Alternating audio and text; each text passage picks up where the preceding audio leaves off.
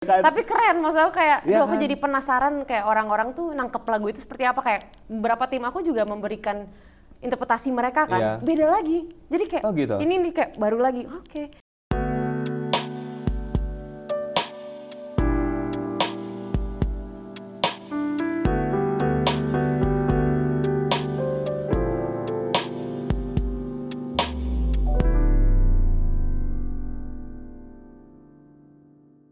Tujuan dari interview ini adalah gue punya beberapa asumsi dan praduga dan gue pengen Isyana ngasih gue Fakta atau konfirmasi. mitos gitu ya? Betul, iya lebih ke fakta dan mitos. Asik Jadi gini, main game. personally Hmm. dan ini gue ngomong sebagai penggemar musik maupun sebagai jurnalis musik ini adalah album lo yang paling ambisius yang paling solid dan paling berkarakter album favorit gue sejauh ini dari diskografi lo dan yang gue tangkap adalah album ini seolah-olah ngasih cuplikan mengenai jalan pikiran lo. Ya ketika gue dengar mind blowing deh atau enggak ketika gue dengar my mystery. Sensasi yang gue tangkap adalah kayak stream of consciousness gitu loh. Ya apalagi eh, teman-teman kalau kalian udah dengar my mystery kayak sorry jelek banget ya tapi kebayang maksudnya yang mana? kenapa? Karena bahkan ketika gue lagi berkecamuk di kepala gue Iya, iya. Ada momen bukannya gue skizofrenia ya tapi ada momen ketika memang kepala gue kayak suara underdeal gitu loh kayak drrrt, drrrt. terus yang mind blowing Iya, sorry iya. ini jelek ya kayak tut tut tut tut tut, tut. Tudududududur, itu ya. iya pernah nggak sih ada momen ketika kok kayaknya di kepala gue muncul kayak ringtone HP era era Iya, iya, 2000-an iya, gitu iya, loh kayak karena banyak juga elemen-elemen yang dari hasil instrumennya itu adalah Heeh. hasil hasil kayak pemikiran ya seringan kayak wah kalau ini kan lagi deg-degan nih deg -deg, iya deg-deg," itu iya jadi sih? kayak Iya. drum dipakai jadi di situ. vivid banget Iya, Mm-mm. betul. Nah, jadi gue menangkap, oke, memang album ini sangat intim, sangat personal. At the same time, satu, keseluruhan album ini bukan dipresentasikan dengan bahasa ibumu, bahasa Inggris, ya kan? Dua, di sini kamu mengutilisasikan genre yang masih terbilang anti mainstream dan kurang begitu familiar di telinga masyarakat Indonesia ya. Oke, jadi oke ini intim but at the same time seolah-olah Isyana sengaja ngasih sedikit distance dengan pemilihan bahasanya, dengan pemilihan productionnya, dan buat gua itu fascinating banget. Kayak look but don't touch gitu loh. Ini maksud gua. Takut. Kayak Look but don't touch gitu loh. Iya, Oke, salaman boleh tapi no hugging gitu loh. Kesannya gitu. Kembali lagi sebagai audiens musik, gue suka dengan kayak the push and pull gitu. Gila pasif agresif. Pasif. Lo yang ngomong ya bukan gua ya. Iya, iya, iya. Tapi kembali lagi, it's fascinating.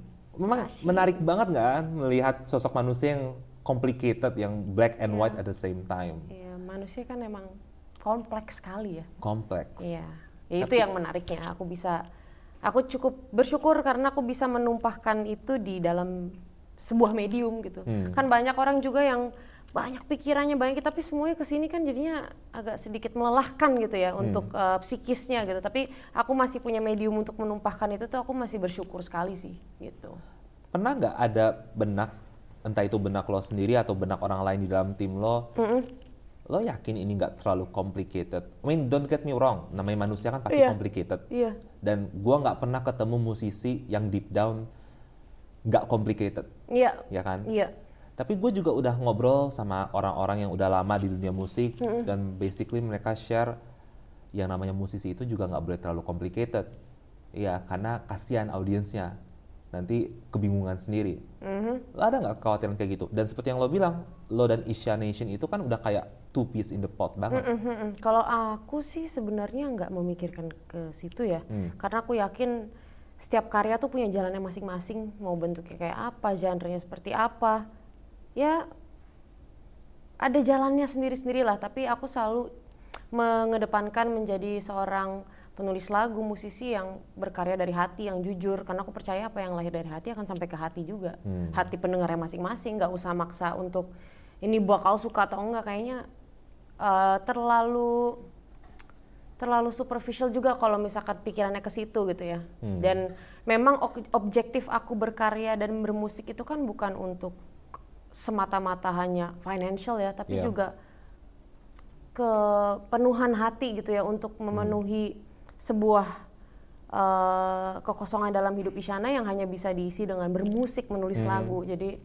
uh, udah ke arah situ ya, udah udah perjalanannya juga bermusik tuh udah udah sangat spiritual buat Isyana, Wih, spiritual lagi Ha-ha, ya. Jadi Mhm. bukan ngomong bukan tentang bisnisnya saja, tapi ada aspek lain yang sangat personal antara aku dan musik gitu.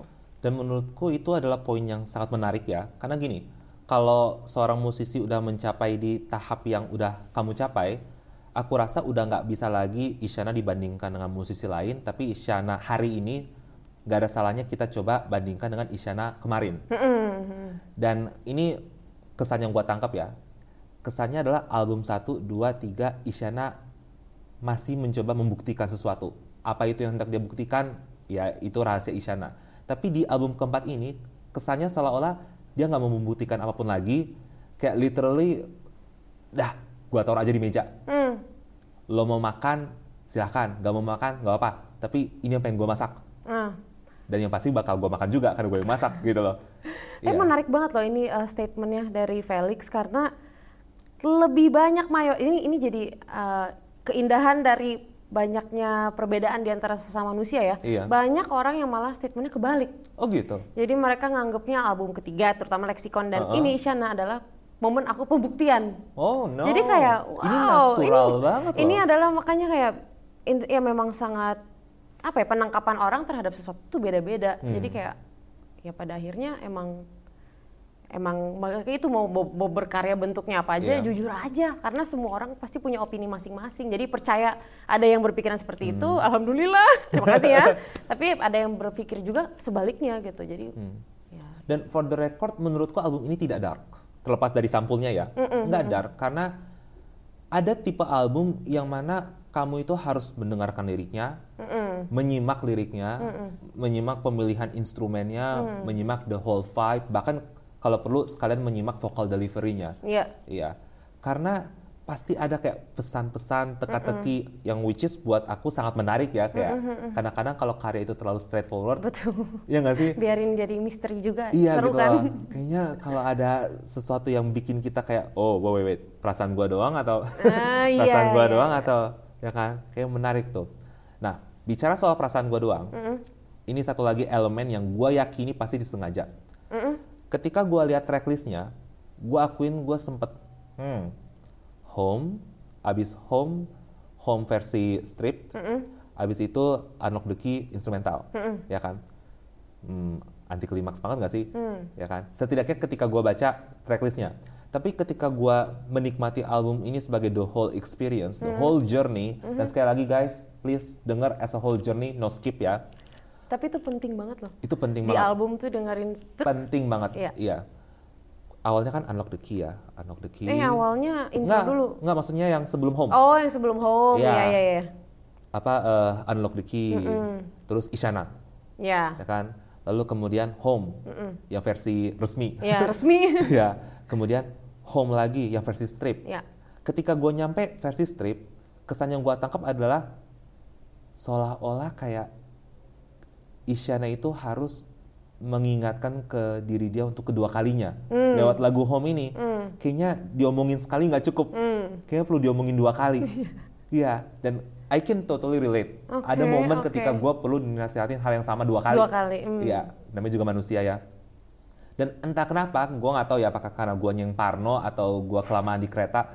Tapi waktu nyampe terakhir, unlock the key instrumental, the song sounds happy. Kayak Kayak It's sebuah bright. solutif gitu ya. solutif gitu Iya. kayaknya. Hah, padahal ketika gue denger yang ini yang sebelum Isyana Capital, ya it's Kayak peperangan kan. perang gitu. Tapi kayak ini kayak lo tau kan setelah nonton film di bioskop ada lagu Iya, jingle tahu. dan- Iya, dan- iya. dan- dan- kayak oh this is the end of the ride. Iya, this Tapi- is the time to unlock the key. Ya kan, but I feel good, Iya, asik. iya. Gua yakin itu penyusunan lagu yang disengaja. Iya dong pastinya. Bener disengaja Pasti ya. disengaja sih. Oke, jadi gua pengen nanya, kenapa home-nya dua kali dan ditempel deket kayak gitu? Sebenarnya kenapa dua kali Iya. itu adalah em, setelah strip itu aku ingin memberitahu aja bahwa ada eh salah setelah yang resmi Yang Isyana, kemudian home resmi, lalu home strip. aku memang ya. ingin memberitahu bahwa se- sebatas kayak di dalam home ini ada juga versi karena kan di eh, tar, rangkaian home itu kan sangat personal ya. Lagu yang paling personal dibilang ballad cuman itu doang. Iya betul. ya pengennya sih ya emang dijejelin beberapa kali. Dijejelin beberapa kali tapi tetap ditutup dengan rootnya Isyana yang adalah seorang instrumentalis. Seorang komposer eh, yang versi Unlock the Key yang elektron itu ditutup dengan nuansa megah Unlock the Key aja gitu sih sebenarnya. Oh, jadi nggak kayak jingle. Oke, this is the end of the ride. Thank you for being with me. See you next ride. Eh, nggak gitu. to be continue to be continued. Iya. Oke, oke. Tapi itu sebuah interpretasi yang sangat menarik. Misalnya kayak multitafsir banget sebenarnya. Mendengarkan musik tuh pasti Iya. kan ada tafsiran setiap orangnya. Dan gue memang paling suka materi musik yang multitafsir sih. Ya. Karena pada akhirnya kan setiap audiens punya pengalaman hidup yang berbeda ya. Betul, betul betul banget. Jadi eh, kayak di album Lexicon gitu, eh, aku suka baca-bacain beberapa Iya. komen yang udah dikurasi sama tim. Mm-mm. Gila ya dari lagu yang mungkin adalah cerita hidup aku, orang bisa relate dengan cerita hidup mereka. Iya. Itu tuh sesuatu yang wah magis banget sih. Bisa gitu ya gitu. Kayak gila lagu-lagu aku tuh ternyata bisa memberikan impact atau dampak terhadap hidup orang lain, entah itu membantu mereka atau membantu mereka yang tadi habis tidak bisa berekspresi sebatas kesedihan aja nggak bisa sedih jadi bisa sedih. Mereka yang tadinya tukang mendem bisa mengeluarkan jadi kayak wow ini magis sih musik tuh magis. Gitu. Gue jadi penasaran deh, at this point of your career as a musician, lo merasa lo semakin cerdas nggak membaca hati audiens lo? Atau lo malah semakin clueless? Clueless kayaknya. Makin clueless ya, Iya kalau ngeliat dari bentuk musik aku sekarang semakin apa adanya. semakin apa adanya. Tapi aku jadi yakin juga biarkan yang resonates aja yang yang emang akan berjalan berdampingan bersama aku dan karya-karya aku gitu. Hmm. Nah, gua nggak mungkin nggak membahas album Isyana tanpa nyolek lagu Under God's Plan, which is bareng Mantra Futura. Yes. Iya. Dan waktu gua baca tracklistnya aja gua cukup terkejut. Kenapa? Karena gua familiar dengan karya Mantra Futura. Sebagai musisi mereka juga punya sound mereka sendiri, personality mereka sendiri. Dan bahkan sampai sekarang kita masih jarang melihat ada project yang melibatkan dua musisi dengan personality yang bold gitu, yang Iya, kuat, iya. ya kan? Iya. Mohon maaf, tapi ada kalanya eksekusinya malah kayak oke dia pemain A, rekan duet dia adalah supporting player gitu loh kesannya. Oh. Iya, jarang gue menemukan kayak duet yang benar-benar equal. Semua orang dapat porsinya dan menciptakan karya seni yang menggugah.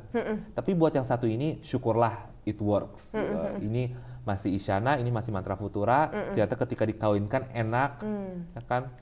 Tapi gue masih bertanya-tanya juga, kenapa Mantra Futura? Karena ini nggak tahu ya kadang kita dengar musik tuh ada rasa apa ya? Hmm. Aku ngerasa aku sangat resonates dengan karya-karya yang Manta Futura ciptakan gitu. Dan Iya. aku udah bilang, gila aku satu hari harus collab nih sama anak-anak ini nih. Ini Hmm. anak-anak ini ajaib banget gitu. Aku ngerasa ada momen kayaknya nih bisa mengawinkan eh, aku dan mereka menjadi satu yang padu gitu. Hmm. Dan akhirnya eh, kontak-kontak biasa, terus mereka juga berkenan. Iya. Jadi kayak wow, oke langsung go. Jadi itu emang cita-citaku dari 2020 Mantra pembahasan bi- bikin satu lagu full song itu dari 2020. Cuman karena itu lagi mereka nungguin kayak eh, di EP kan cuman kayak bikin prelude. Iya, iya. Sampai itu kayak guys aku nggak bisa nulis dulu nih, aku udah rehat dulu lah apa segala macem, masuk rumah sakit dulu, sakit apa. Akhirnya eh, udah beres 2023 itu benar-benar kurang dari sebulan bikinnya karena aku Wow. tiba-tiba udah tahu mau bikin lagu apa udah di kepala guys aku udah bisa nulis nih aku udah punya lagu ayo Hmm. langsung workshop itu mereka juga kayak lagi bangun candi sih kemarin pas bikin lagunya Hmm. tapi cuman karena memang chemistry dan momentumnya semua tepat Iya. itu tuh ngalir aja gitu kalau ngalir tuh emang bisa cepet banget bikin lagu tapi kalau emang lagi lagi ngadat ya nggak jadi selamanya juga bisa gitu. Ada satu lagi alasan kenapa menurut gua lagu Under God's Plan itu sangat menarik ya. Sekali lagi guys, eh, biar kalian paham dengar lagu Under God's Plan itu. Ini lagu mengenai yang maha kuasa.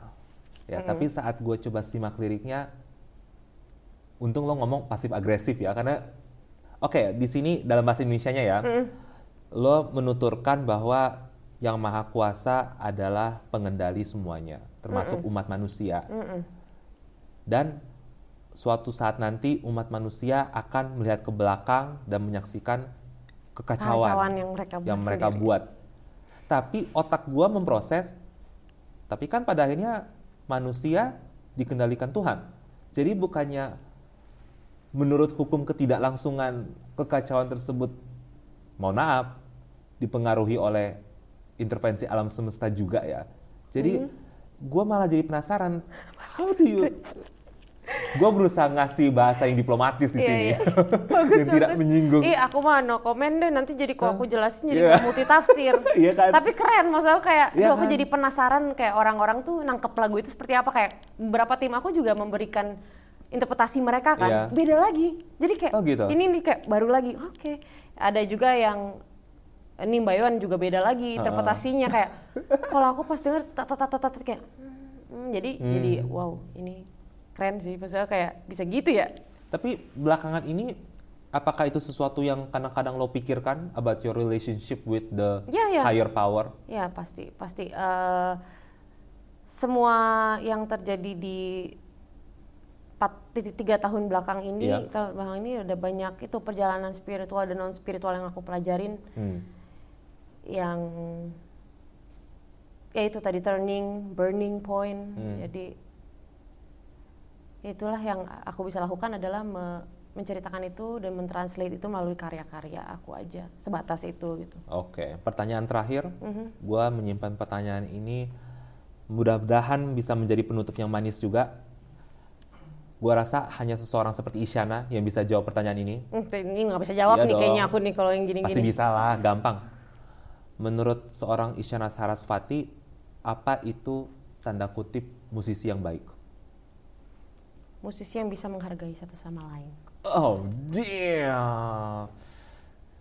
Yes. Oke, okay. Isyana, terima kasih banyak ya Sama-sama. atas interview ini. Sama-sama. Dan semuanya sekali lagi nggak lelahnya gue ingatkan dengarkan album Isyana di streaming platform favorit kalian. Check out juga video klipnya di YouTube.